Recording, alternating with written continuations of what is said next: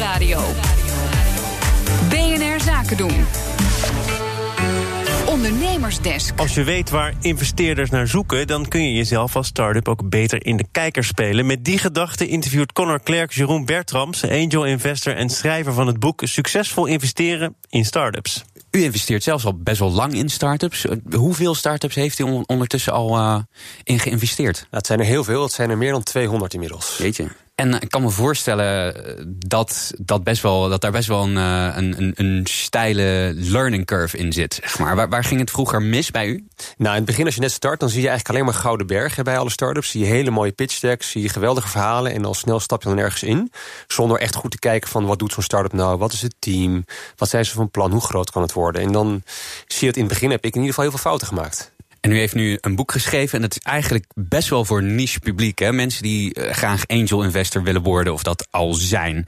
En toch is het ook wel interessant voor start-up zelf. Ja, klopt. Kijk, als jij een start-up geld wil ophalen... dan is het eh, van belang dat jij weet hoe uh, investeerders denken over jou. Dus in dit boek staat beschreven hoe een investeerder gaat investeren. Als jij als start-up weet hoe een investeerder denkt... kun je daarop voorbereiden. Kun je je pitch zo maken dat het past. Kun je ervoor zorgen dat het team goed op orde is. Dat soort zaken allemaal.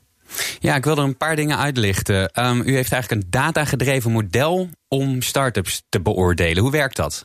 Nou, klopt. Uh, ik heb natuurlijk 200 start-ups uh, geïnvesteerd. En uh, nou, op basis daarvan heb je heel veel informatie kun je, bij elkaar brengen. En gekeken van wat zijn nou de rode lijnen erin. wanneer faalt een start-up en wanneer slaagt een start-up. En nou, die heb ik op een rij gezet, al die punten waar ik naar kijk. En voor elke nieuwe start-up waar ik ja, overwegend te investeren... ga ik al die punten loop ik langs.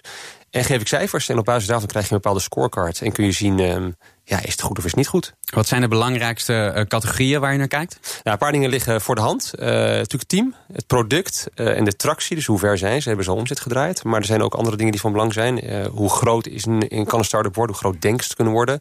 Zijn ze coachable? Hè? Zijn, zijn, het, zijn het ondernemers die willen luisteren naar advies? Ehm, dat soort zaken. En, en ook dingen als is, is de, de, de, groep mensen die, die er werken, passen die bij het product? Dus zijn het alleen maar developers? Of is het een goede mix van developers en bijvoorbeeld salesmensen? Uh, het moet wel passen en kloppen allemaal.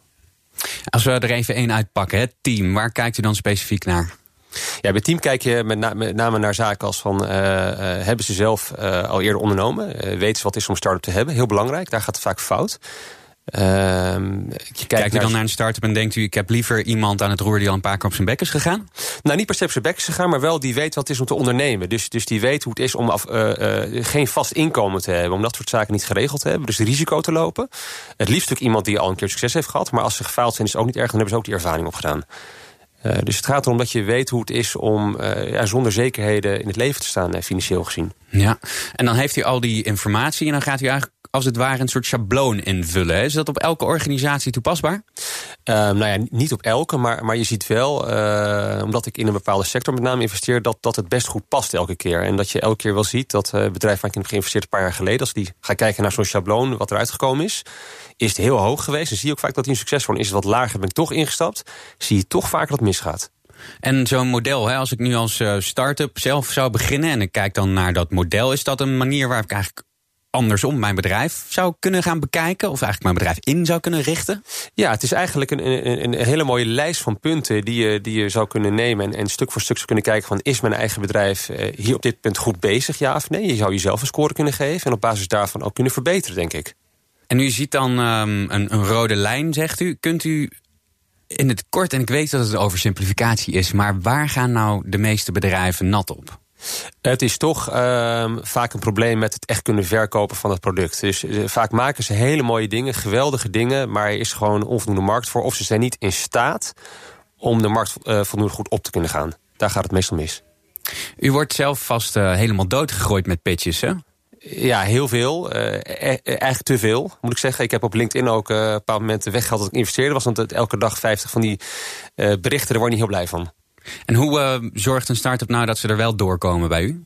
Uh, je, je, moet, dus een beetje uniek zijn. Je moet, je moet een leuk verhaal kunnen vertellen. Je moet in een paar regels de aandacht kunnen trekken van, van, van een, in mijn geval als investeerder. Maar ook, dat geldt ook voor de grotere visies. Je moet gewoon een leuk verhaal kunnen vertellen. Het moet apart zijn, anders zijn, opvallend zijn gewoon. En dan ga je pas verder kijken naar alle details. Vandaag uh, komt die boek uit. Wat verwacht u ervan? Nou, het is inderdaad gericht op een specifieke niche, op, investeerders. Maar ik hoop dat start-ups ook het zien als een mooie leidraad voor een eigen bedrijf. Om, om te leren hoe ze, hoe ze zelf kunnen verbeteren. En als ze geld willen ophalen, hoe ze het slim kunnen spelen richting investeerders. Connor Klerks in gesprek met Jeroen Bertrams, schrijver van het boek Succesvol investeren in startups. Wil je nou meer horen uit de ondernemersdesk? Je vindt alle afleveringen terug als podcast via de site of de BNR-app. Ondernemersdesk over groei wordt mede mogelijk gemaakt door NIBC. NIBC, de bank voor ondernemende mensen.